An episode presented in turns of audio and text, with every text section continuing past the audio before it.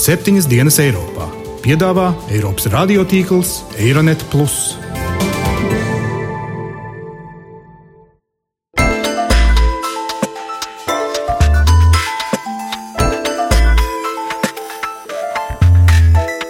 Šonadēļ septiņas dienas Eiropā dzirdēsim.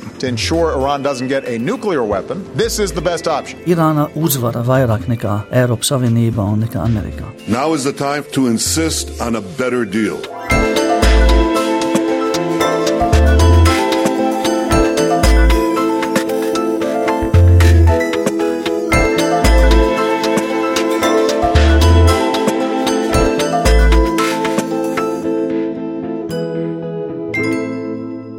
Labdien, godājumie klausītāji! Latvijas radio studijā Kārlis Streips.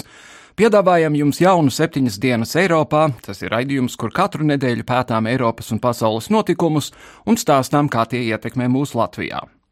Saūda Arābija ir lūgusi Pakistānu pievienoties militārajai operācijai pret šīītu spēkiem Jemenā.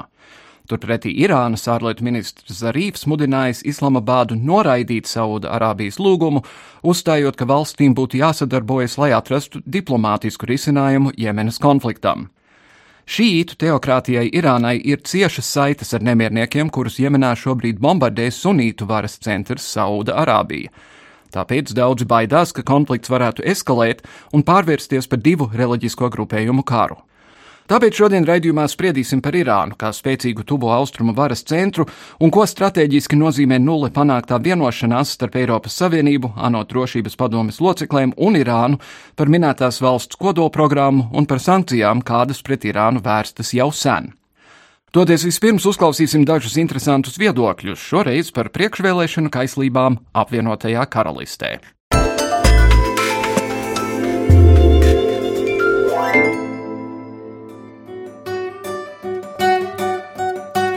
Līdz Lielbritānijas parlamenta vēlēšanām ir atlicis mazāk par mēnesi. Premjera Dēvida Kamerona konservatīvo partija joprojām savā popularitātē iet roku rokā ar tās galvenajiem konkurentiem - leiboristiem.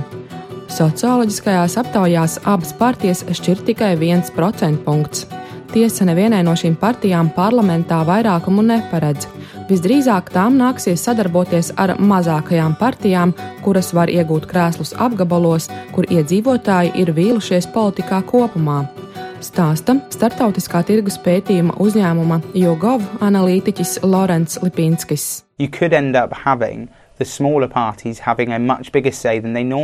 Varētu izrādīties, ka mazajām partijām būs daudz lielāka ietekme nekā to varētu prognozēt. Un neviena no abām galvenajām partijām, leiboristi vai konservatīvie, nebūs ne tuvu vairākumam. Tādēļ nākošajā parlamentā daudzām partijām nāksies dalīt šīs 326 vietas. Nāksies sadarboties. Tādēļ domāju, ka mazajām partijām šoreiz būs daudz lielāka iespēja tiešām tikt pie teikšanas. So I think the smaller parties will have a much bigger opportunity than normal to actually have a say this time. Tas ir rets gadījums, kad mazajām partijām varētu būt tik nozīmīga loma. Tādēļ mēdīji un sabiedrisko aptauju veicēji rūpīgi analizē, kādus panākumus varētu gūt eiroskeptiskā UKIP un zaļo partija, skaidro UKIP līderis Nigels Farāčs. Manuprāt, tas ir skaidri redzams, ka divu partiju politika apvienotajā karalistē ir beigusies in the United Kingdom is finished. Gan Lielbritānijas premjera Davida Kamerona konservatīvo partija, gan arī viņa galvenie konkurenti leiboristi par savas priekšvēlēšanu kampaņas galveno vadmotīvu ir izvirzījuši ekonomiku. Kamerons apgalvo, ka vienīgais veids, kā nodrošināt stabilu valsts pastāvēšanu, ir turpināt budžeta samazināšanu. Leiboristi uzstāja, ka valsts nav spējīga paciest vēl lielāku budžeta griešanu un uzstāja uz ekonomikas izaugsmi. Kampaņā Bristola zinātnes parkā Leiboristu partijas līderis Eds Milibants sacīja šādi. Mana filozofija ir vienkārša. Es uzskatu, ka tikai tad, kad veiksies darba ļaudīm, tikai tad mums veiksies arī kā nācijai. Un to varam panākt, ja investē valsts. Finanšu ministrs Džordžs Osborns ir paudis, ka jaunākie ekonomikas stāvokļa uzlabošanās dati mudinās vēl aktīvāk doties pie vēlēšanu urnām, taču daudz iedzīvotāji provincē skaidro, ka neko no tā savās kabatās pagaidām nejūt. Vietējie ir vīlušies solījumos un uzskata, ka abas vadošās partijas nedara pietiekami, lai būtu kāds labums arī parastajiem iedzīvotājiem pilsoņiem. Turklāt premjeras Deivids Kamerons uzvaras gadījumā ir solījis sarīkot referendumu pār Lielbritānijas izstāšanos no Eiropas Savienības. Viņa amata priekšgājējs Tonijs Blērs pieļauj, ka tas ir tikai mēģinājums pielabināties pret Eiropas Savienību naidīgi noskaņotajiem mēdījiem un centiens atgūt eiroskeptiķu balsis, kas tāpat nekad nebūs apmierināti. Skaidro Blērs. Remember the relief we felt when Scotland voted no. Atcerieties, kāds atvieglojums bija, kad Skotija nobalsoja nē. Kādēļ? Jo mēs šokā pamodāmies un sapratām, cik tuvu bija tas, ka padarījām sevi par otrās līgas nāciju.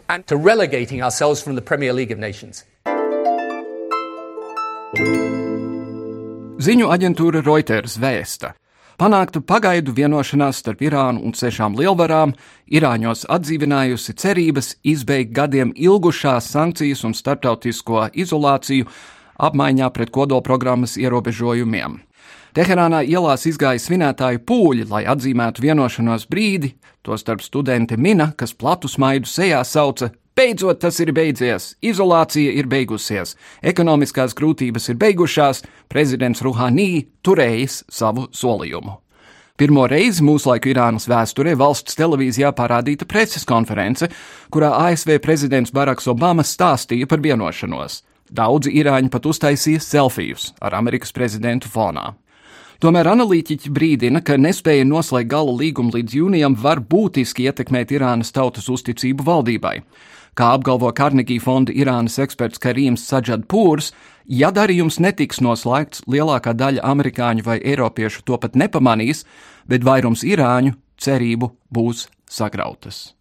Vairāk par to, kāda ir Irānas vienošanās nozīme, manas kolēģis Gitas Siliņas sižetā.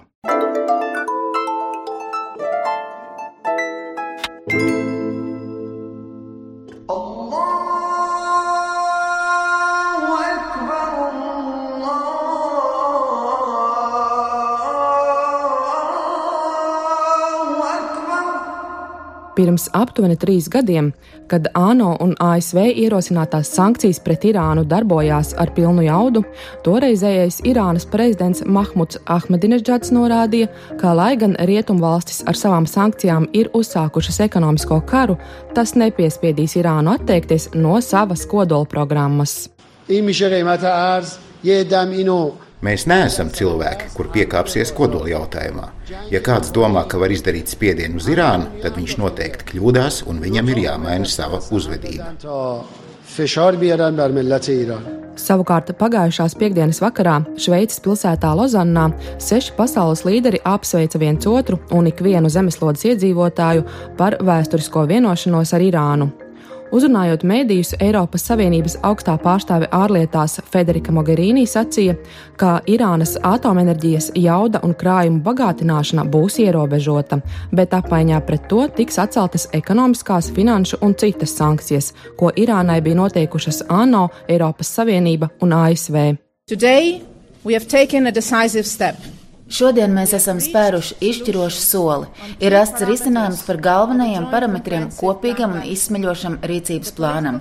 Tā ir visu pušu politiska apņemšanās, labā griba un smags darbs, kas to ļāva īstenot. Šajās dienās izstrādātais risinājums un nozīmīgais lēmums ir kā pamats vienošanās tekstam.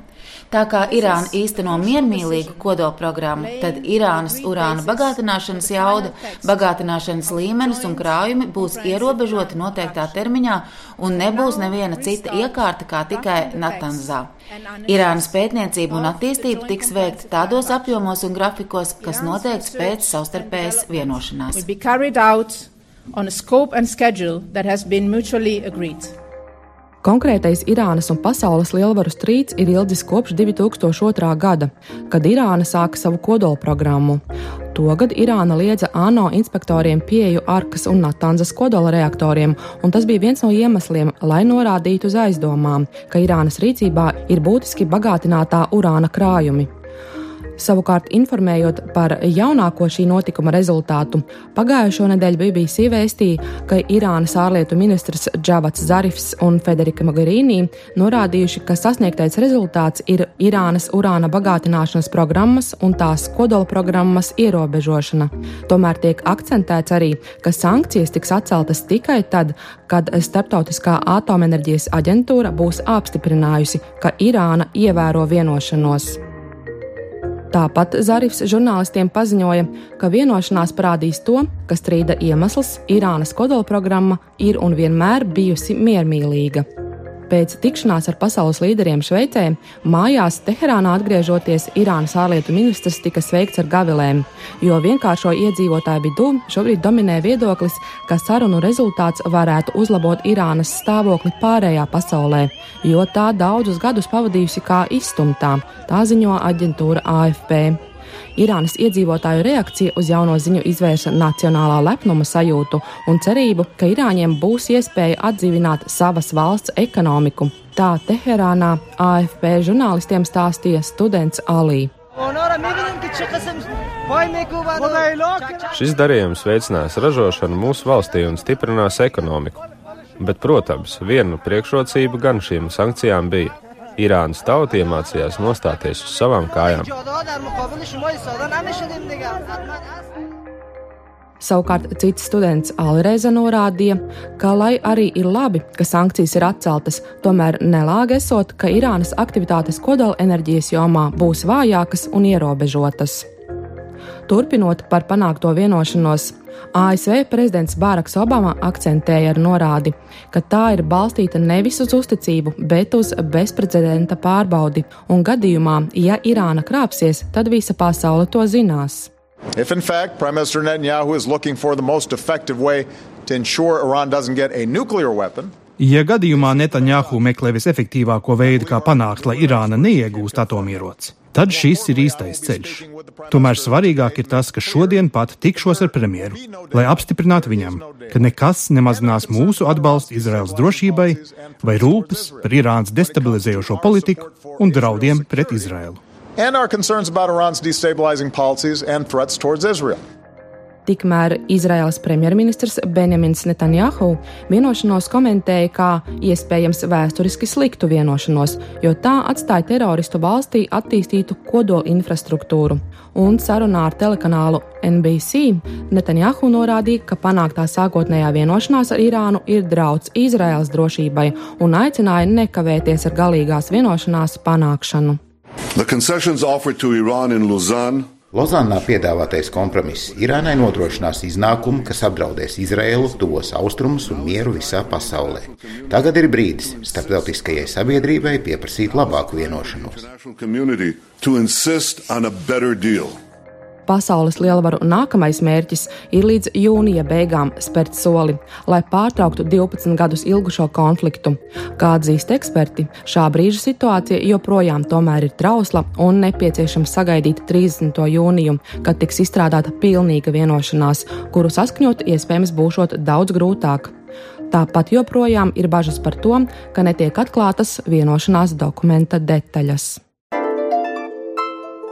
thank you Lai apspriestu vienošanās ar Irānu nozīmību un noskaidrotu, vai 11 gadu sankcijas tiešām kaut ko ir panākušas un cik spēcīgs spēlētājs tuvo austrumu reģionā Irāna tiešām ir, uz sarunu esam aicinājuši deputātu un saimas sadarbības grupas ar Irānas parlamentu biedru Hosamu Abu Merī. Labdien! Labdien! Jums droši vien krīt uz nerviem, ka katru reizi, kad kaut kas tuvajos austrumos notiek, tā jūs tiekat saukt uz interviju. Tas ne, man patīk, tāpēc, eh, manuprāt, es sakoju visu laiku, kas tur notiks šajā rajonā kopumā.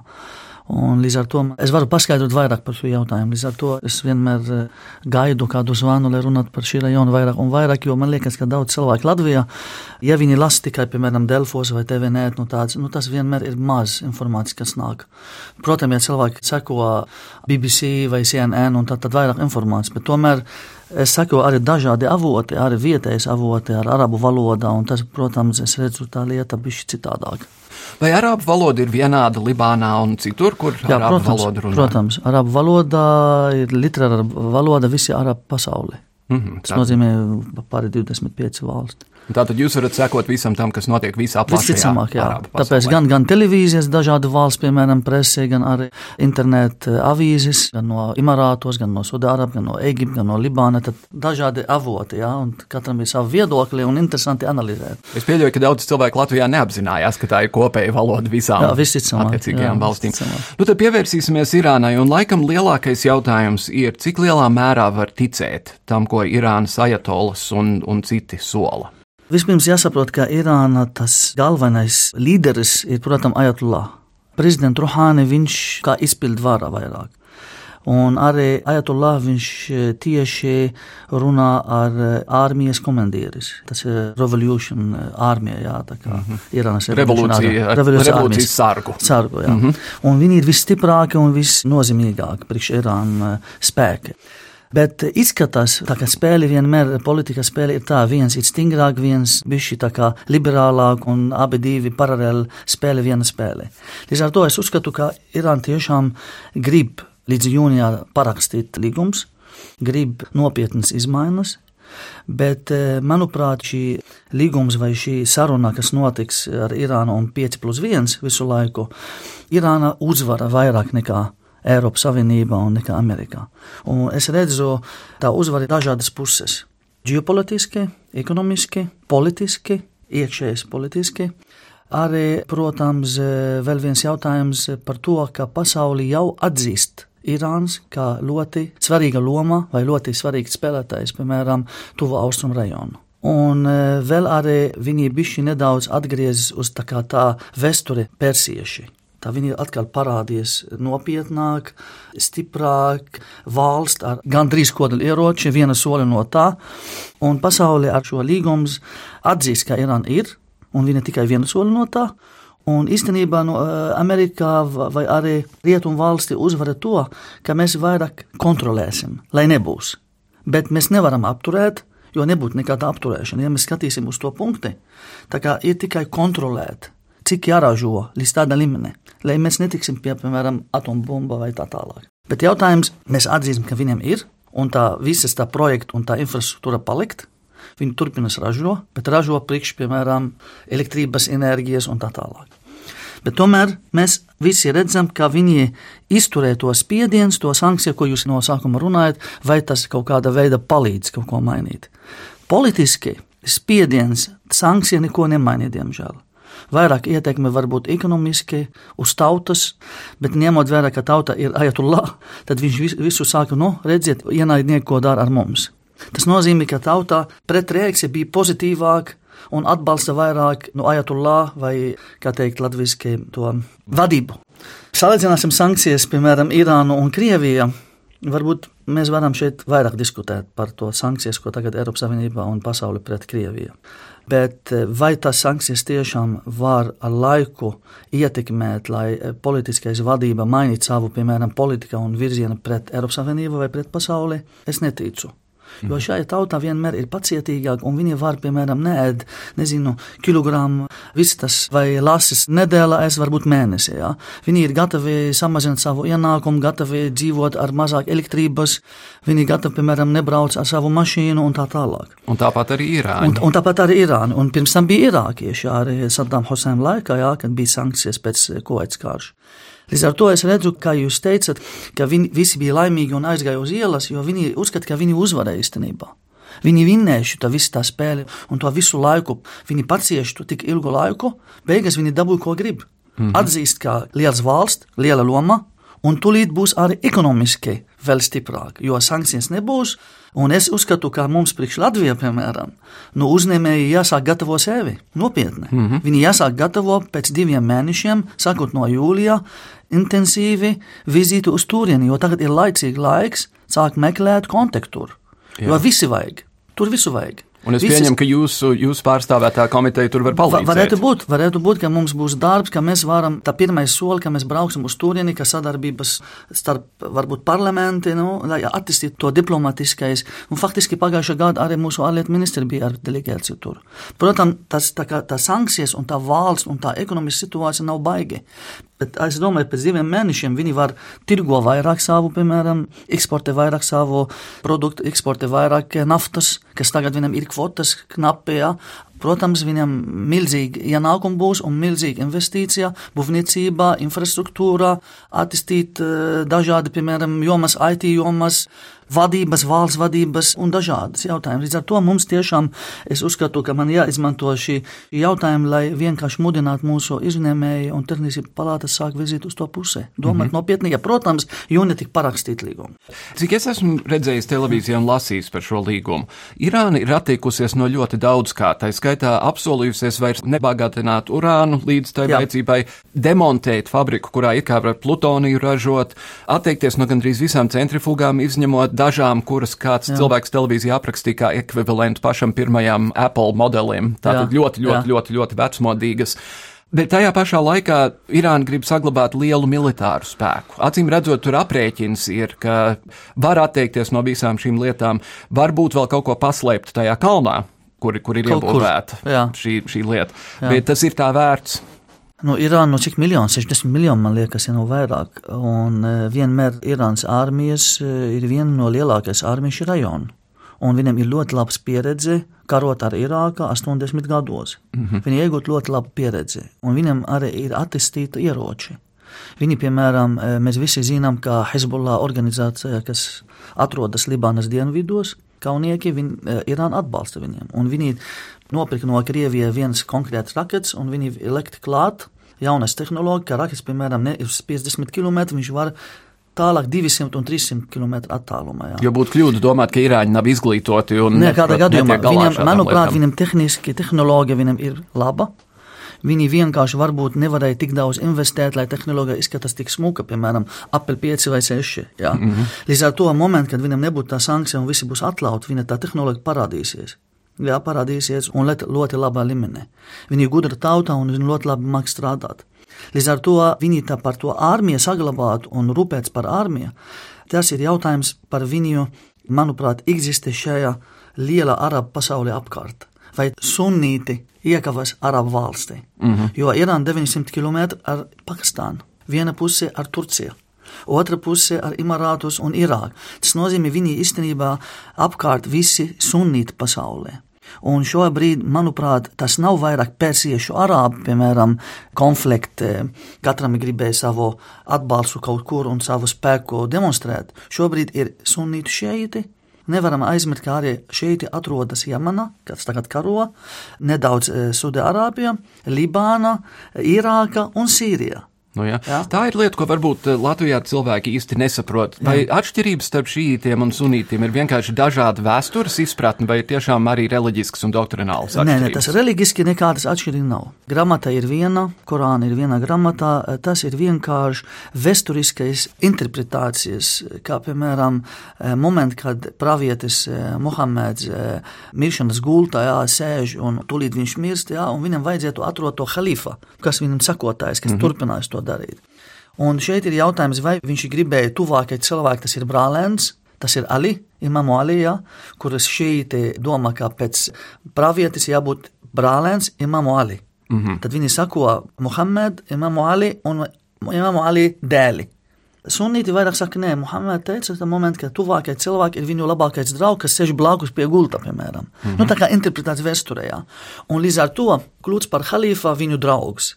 Viņu pirmais cilvēks, kas ticēja, ka Muhammed ir pravietis. Tas vienkārši tā veids, kas var būt kādreiz pieņem vai interpretē dažādas vietas Korānā, un tas ir viss. Tagad pievēršoties tam plašākam jautājumam, kur jūs jau pieminējāt, tuvijos austrumos veidojas briesmīgi ironiska situācija tādā nozīmē, ka Irāna pat labāk ir galvenā, kas cīnās pret islāma valsti Irākā, amerikāņi tam visam dod gaisa atbalstu, tajā pašā laikā amerikāņi bombardē teroristus Jemenā, kuriem Jā. ir Irānas liels atbalsts, Jā. te ir baigais mēsgals pat labāk.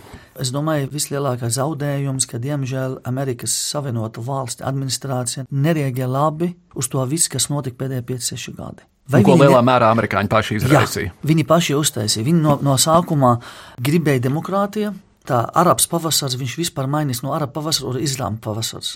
Jo tā vakums, tā bedre, kad izkrīt tie režīmi, nu nebija alternatīvas, kas nāk, nebija organizētas organizācija vai organizētas partijas vai grupas, kas nāk un vadīt valsti demokratiski. Izmanto šī cilvēki, ekstremisti, islamisti, kas simt gadi vai 50 gadi, viņi dzīvo, e, piemēram, pagrabajā. Un tagad laiks viņi izmanto nāk ārā. Un, protams, šeit ir jautājums, ja šī islamisti atbalsta, piemēram, Turcijā, piemēram, musulmaņu brālības. Ja? Tad viņi uzreiz dabūja atbalstu no Turcijas un parādījās, piemēram, Eģipte, parādījās Tunīzijā, parādījās, piemēram, Sīrijā un tā tālāk. Un Katāra arī atbalsta vēl arī konkrētu grupu. Sudija Arāba atbalsta, piemēram, Vahabi. Tas arī veid. Mm -hmm. Tas nav reliģija. Līdz ar to, manuprāt, tiešām Amerika laikam vai viņi nesaprot, nesaprot šī etniski, reliģiski spēles, un viņi atļāva, piemēram, deva laiks, lai opozīcijā, kas bija no sākuma, piemēram, to armija pret eh, režīmu Sīrijā, un pēc tam parādījās, ka tā armijas, kas veido no opozīcijā, Viņš vispār neko nekontrolē, un atnāca islamisti, ekstremisti, daži īsi valsts vai islāma valsts. Es negribu pateikt valsts, jo viņi nav valsts, viņi ir organizācija. Viņi gan sevi pasludinājuši, ka pasludina savu, jā, pasludina, bet mēs ne, mums nedrīkst, es domāju, arī presi lietot to valsts, jo mēs liksim viņiem vēl svarīgāk. Mm -hmm. Neeksistē, jā. Tāpēc Teroristi, oficiāli Amerika runā par ISIL. IC, es arī piekrītu, jā. viņam tā ir IC grupā, IC teroristu grupā, kas atrodas īstenībā visur šobrīd. Un tas nāk uz Al-Qaida drupas latviski, tā kā uz drupām. Jā. Uz drupām. Mm -hmm. jā, un, un šeit ir punkts, varbūt pēc Buša administrācijas, kas vai kārtīgi sit Al-Qaida vis, visu laiku, nu atnāca Obama administrācija, kas vienkārši gribēja runāt ar visiem, lai nebūtu karš pasaulē. Jā. Sanāk, ka diemžēl tā situācija mainīs uz nopietnāk. Vienlādiem gan novāca. Jā. Tas arī bija. Un tad uzskatīja, ka viss ir kārtībā. Un, un viss, ka viss kārtībā un mm. viss beidzas. Bet es nezinu, viss sākās. Tā sanāk, viss sākās, un līdz ar to es atkal eh, vienu, trīs gadi atpakaļ eh, rakstu vienu rakstu kaut kur eh, TVNet vai Delfos teicu toreiz, ka es neredzu demokrātija, tāda demokrātija, ka mēs dzīvojam Eiropā, Arab pasaulē. Un mums nevajadzētu darīt visu, lai dabūtu tādu demokrātiju. Tas viņiem nestrādā labi. Katru pasauli, katra valsts ir savu nu, demokrātu sapratni. Ja?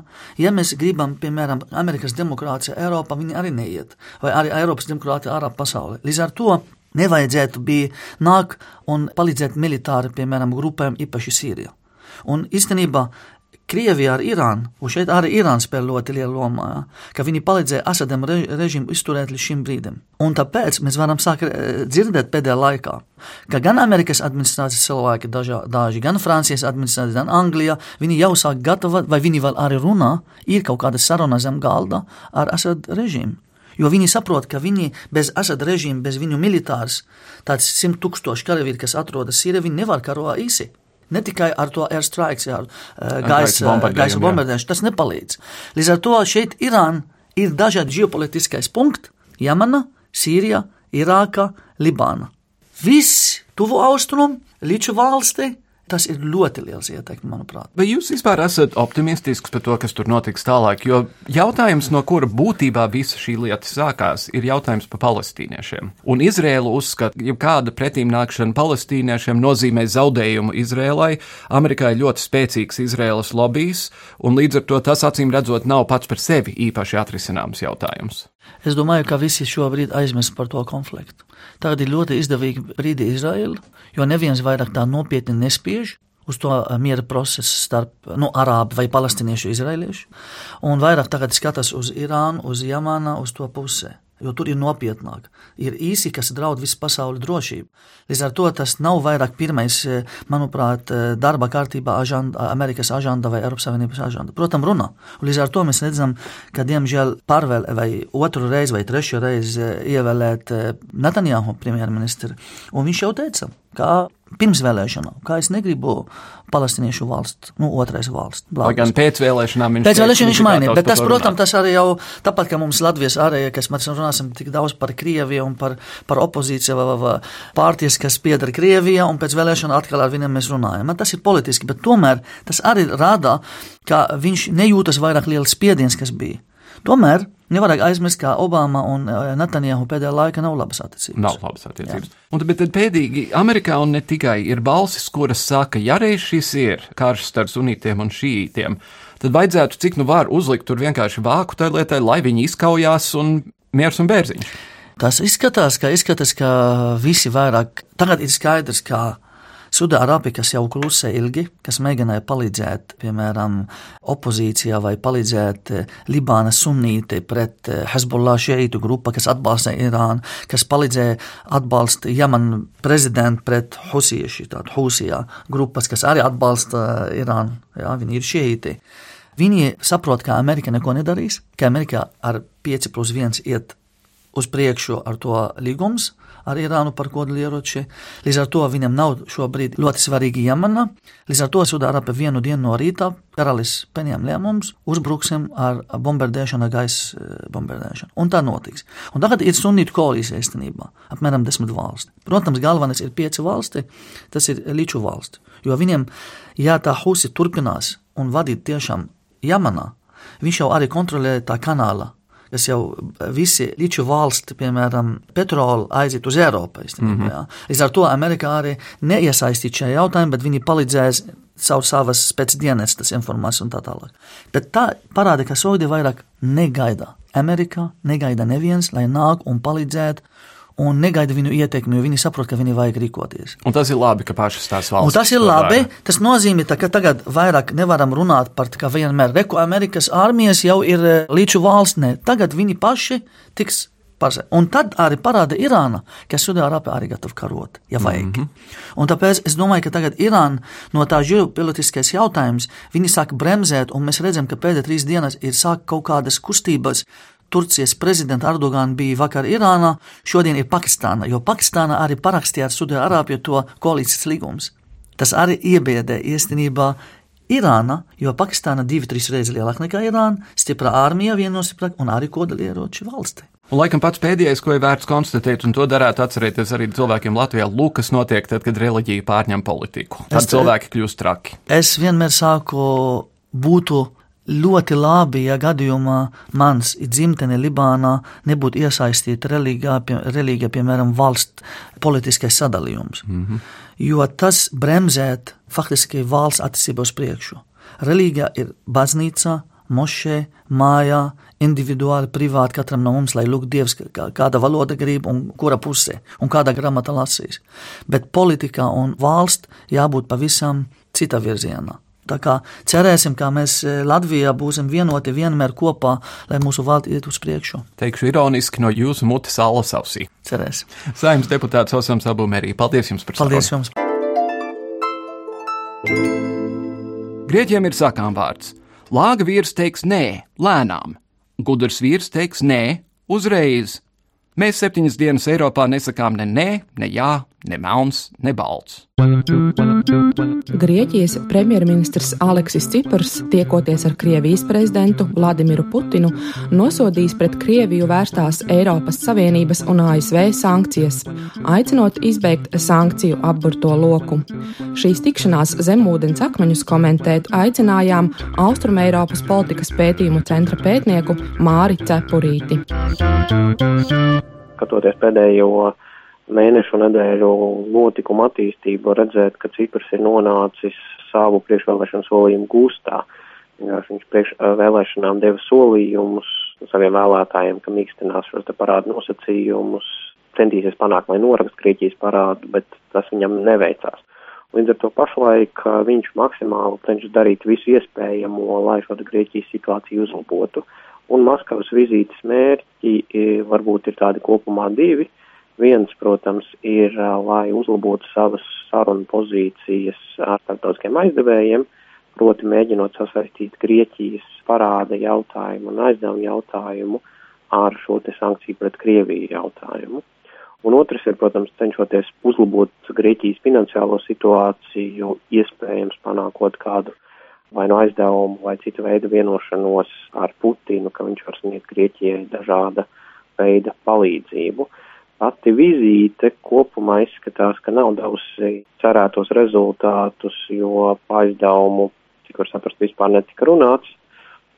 Krievija nav gatava pašlaik Grieķijai to piešķirt arī, dzen Krievija pašlaik nav gatava izslēgt Grieķiju no šo te kopējo sankciju sārakstu, minot, ka vienu valsti Krievija neizdarīs šādu te vienu individuālu izņēmumu attiecībā uz Grieķiju. Tā kā kopumā tā vizīte ir notikusi, bet tās iespējas uz kopējo Eiropas Savienības sankciju politiku attiecībā uz Krieviju tomēr nebūs tik ļoti redzams, tik ļoti ietekmējošs, kā varbūt tas var šķist izskanot publiski. Ar to arī izskan šīs nedēļas septiņas dienas Eiropā. Amerikā Republikāņu partija, kura saka nē visam, ko dara prezidents Obama, ir arī teikusi nē šai apņēmībai ar Irānu veidot normālas attiecības. Taču šādas normālas attiecības ir svarīgas nevien tuvajiem austrumiem, bet arī mums visiem visā pasaulē. Paldies, dāmas un kungi, ka šonadēļ klausījāties līdz jaunadēļai. Visu labu!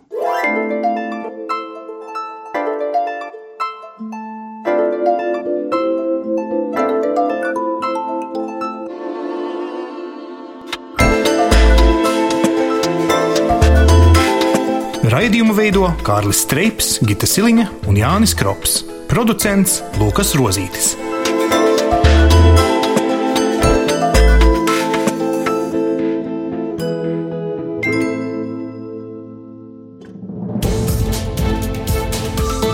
Visus Eironet plus sižetus un raidījumus meklējiet Latvijas radio mājaslapā.